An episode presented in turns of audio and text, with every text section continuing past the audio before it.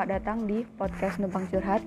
Kenalin, nama saya Syafina yang akan numpang curhat di podcast ini. Nah, untuk episode perdana kali ini, saya belum akan numpang curhat, tapi saya akan sharing beberapa pendapat saya tentang Japanese itu bisa ngapain sih? Nah, langsung aja kita menuju list. Yang pertama, kita bisa bekerja dengan profesional. Profesional itu memiliki arti e, memerlukan kepandaian khusus untuk menjalankannya. Itu artinya kita sebagai CPNS harus berkompeten atau menguasai bidang yang telah menjadi tugas kita. Dengan bekerja secara profesional, maka kita akan menjalankan tusi itu semaksimal mungkin dan sebaik mungkin. Dari hal itu, kita akan e, menghasilkan kinerja yang maksimal serta tidak akan merugikan masyarakat. Dengan bekerja secara profesional, kita dapat meningkatkan mutu penyelenggaraan dan kualitas pelayanan publik serta meningkatkan kepercayaan masyarakat terhadap pemerintah. Selanjutnya, kita juga bisa menyampaikan informasi kebijakan pemerintah.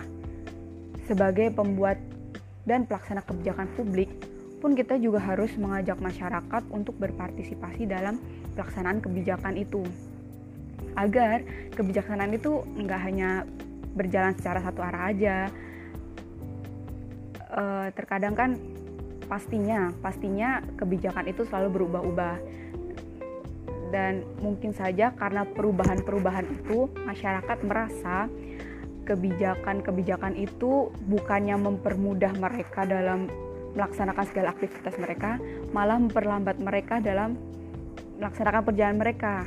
Nah, itulah kita sebagai CPNS bisa menginformasikan kepada masyarakat luas uh, tentang kebijakan-kebijakan itu. Tentunya dengan sarana media, sarana atau media yang ada sekarang pada zaman sekarang ini. Selanjutnya, kita juga dapat melakukan inovasi. Tentunya saat kita masuk ke dunia kerja, kita menemui beberapa uh, eh, SOP atau standar operasional yang sudah berjalan. Bisa aja nih SOP itu kurang efektif dalam melakukan pekerjaan. Misalnya ada beberapa hal yang bisa di uh, apa bisa di dipotong atau bisa dikurangi karena memang dalam prosedur itu ada beberapa langkah yang kurang efektif. Nah, kita bisa melakukan inovasi dalam SOP tersebut dengan e, memanfaatkan teknologi dan pengetahuan yang ada agar pekerjaan itu lebih efektif dan efisien guna menunjang pelayanan publik yang lebih baik. Selanjutnya,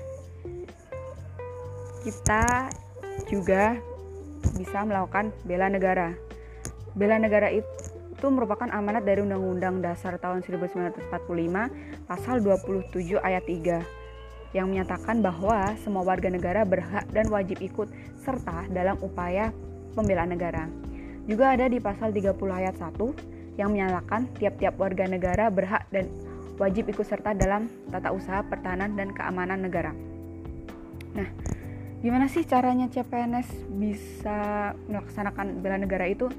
Salah satunya adalah dengan bekerja secara profesional, disiplin, mencintai tanah air, berintegritas, dan masih banyak lagi.